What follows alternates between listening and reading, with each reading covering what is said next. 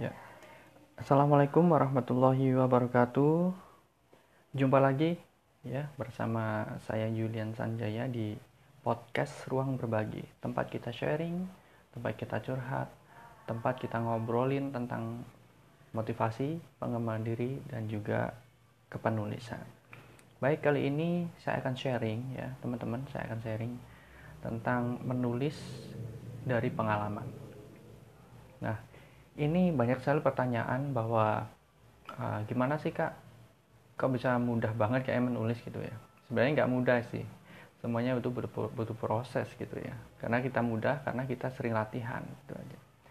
Nah ada salah satu um, yang paling mudah ya salah satu faktor yang mungkin kita bisa uh, sambil belajar menulis gitu ya akan lebih mudah yaitu berasal dari pengalaman kita sendiri ya boleh sih dari pengalaman orang lain juga tetapi kayaknya lebih uh, asyik lebih mudah lebih gampang gitu ya untuk mengungkapkannya dari pengalaman pribadi nah itu salah satu faktor yang membuat uh, kita bisa uh, lebih cepat menulis ya karena pengalaman itu kita sendiri yang rasa gitu kita sendiri yang mengalami gitu. jadi akan lebih mudah untuk uh, kita tuangkan dalam sebuah tulisan gitu ya.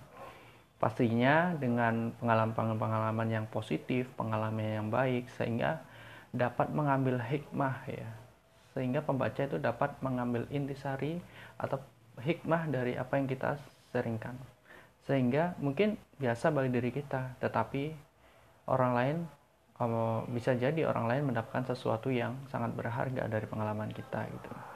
Nah, teman-teman yang sekarang eh, sedang belajar menulis, ya, sedang belajar menulis, saran saya latihan, terus latihan dan um, terus belajar.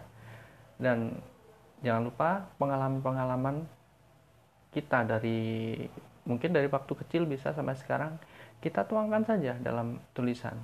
Bisa jadi tema-tema atau judul yang sedang kita tulis itu menjadi bahan inspirasi bagi orang lain. So bagi teman-teman yang sedang menulis saya doakan uh, dipermudah ya, dimudahkan oleh Allah ya, ditetapkan niatnya supaya tetap menulis ya. Jangan lupa tetap konsisten menulis walaupun satu persen tiap hari itu jauh lebih baik daripada nggak sama sekali. Nah teman-teman itu aja sharing singkat dalam kesempatan kali ini. Sampai jumpa di next podcast berikutnya. Tetap di ruang berbagi bersama saya Yulian Sanjaya. Assalamualaikum warahmatullahi wabarakatuh. Bye bye.